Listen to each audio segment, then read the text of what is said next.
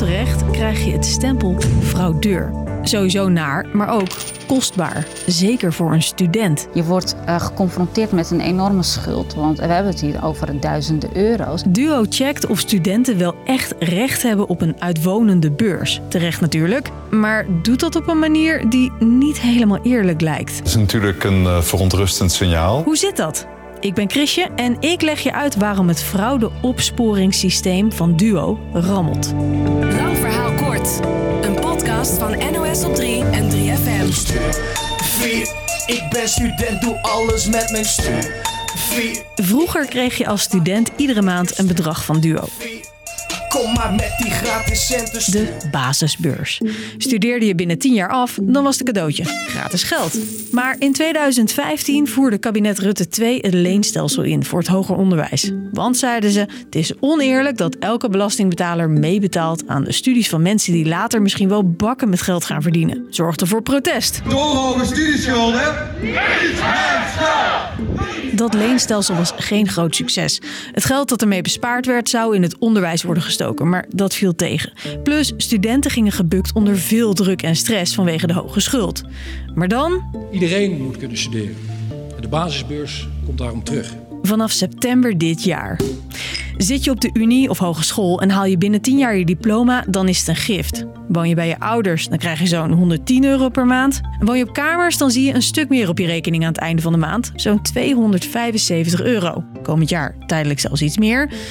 En afhankelijk van hoeveel je ouders verdienen, kan je ook nog een aanvullende beurs krijgen. Voor MBO'ers bleef de beurs de afgelopen jaren wel bestaan. Best aantrekkelijk idee dus, om misschien te doen alsof je op kamers woont terwijl je eigenlijk nog bij je ouders rondhangt. Jan, nu eten! Dus Duo checkt dat nu al, soms met controleurs. Maar bij iedereen langs gaan, helemaal als straks al die extra mensen ook weer een beurs krijgen. Hallo. Dat lukt niet. Daarom bedacht Duo een manier om mogelijke fraudeurs snel op te sporen. Dat begint met een algoritme. Je hoort mijn collega Salwa van NOS op 3. Samen met journalisten van onderzoeksplatform Investico dook zij in de werkwijze van Duo. Dus kijken naar je leeftijd, je woonplaats, plek van je studie, plek waar je ouders wonen. En uit al die gegevens komt een lijst die Duo vervolgens uitpluist op zoek naar aanwijzingen dat jij misschien onterecht een uitwonende beurs krijgt. En die aanwijzingen kunnen van alles zijn. Bijvoorbeeld naar de grootte van een woning en of je staat ingeschreven bij een familielid. Dat vinden ze verdacht. En als ze echt denken, hier klopt iets niet, dan komen ze langs, vertelde een student die anoniem wil blijven. Het ergste van alles vind ik nog dat mijn opa zich heel lang schuldig voelde.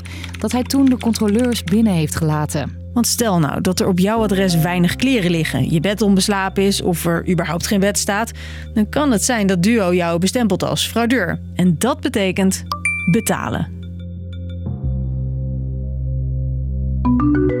Als Duo zegt dat je fraudeert, kun je bezwaar maken. Al valt dat niet mee, merkte deze student. Ik heb een brief geschreven en een heleboel foto's ter bewijs opgestuurd. Het was blijkbaar niet genoeg. Sinds 2012 heeft Duo tegen een kleine 10.000 studenten gezegd: Jij bent fraudeur. Zij moesten hun studiefinanciering vaak duizenden euro's terugbetalen. Tweederde maakte bezwaar en een klein deel daarvan stapte zelfs naar de rechter. En daar doken onze collega's in. Door advocaten te bellen die studenten hebben bijgestaan. We hebben er 70 gebeld, waarvan 32 hebben meegewerkt. Zij maakte een lijst van 376 zaken die ze tegen Duo hebben gedaan. En wat valt op? 97% van die studenten had een migratieachtergrond. Dat is bijna iedereen dus. Zo'n flink oververtegenwoordiging is absoluut wel zorgwekkend. Zegt Lucas Heidsma, die onderzoek doet naar de risico's van discriminatie in algoritmes.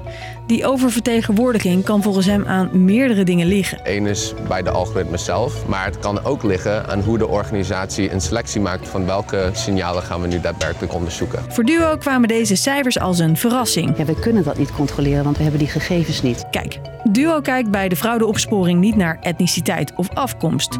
Toegang tot die gegevens hebben ze niet.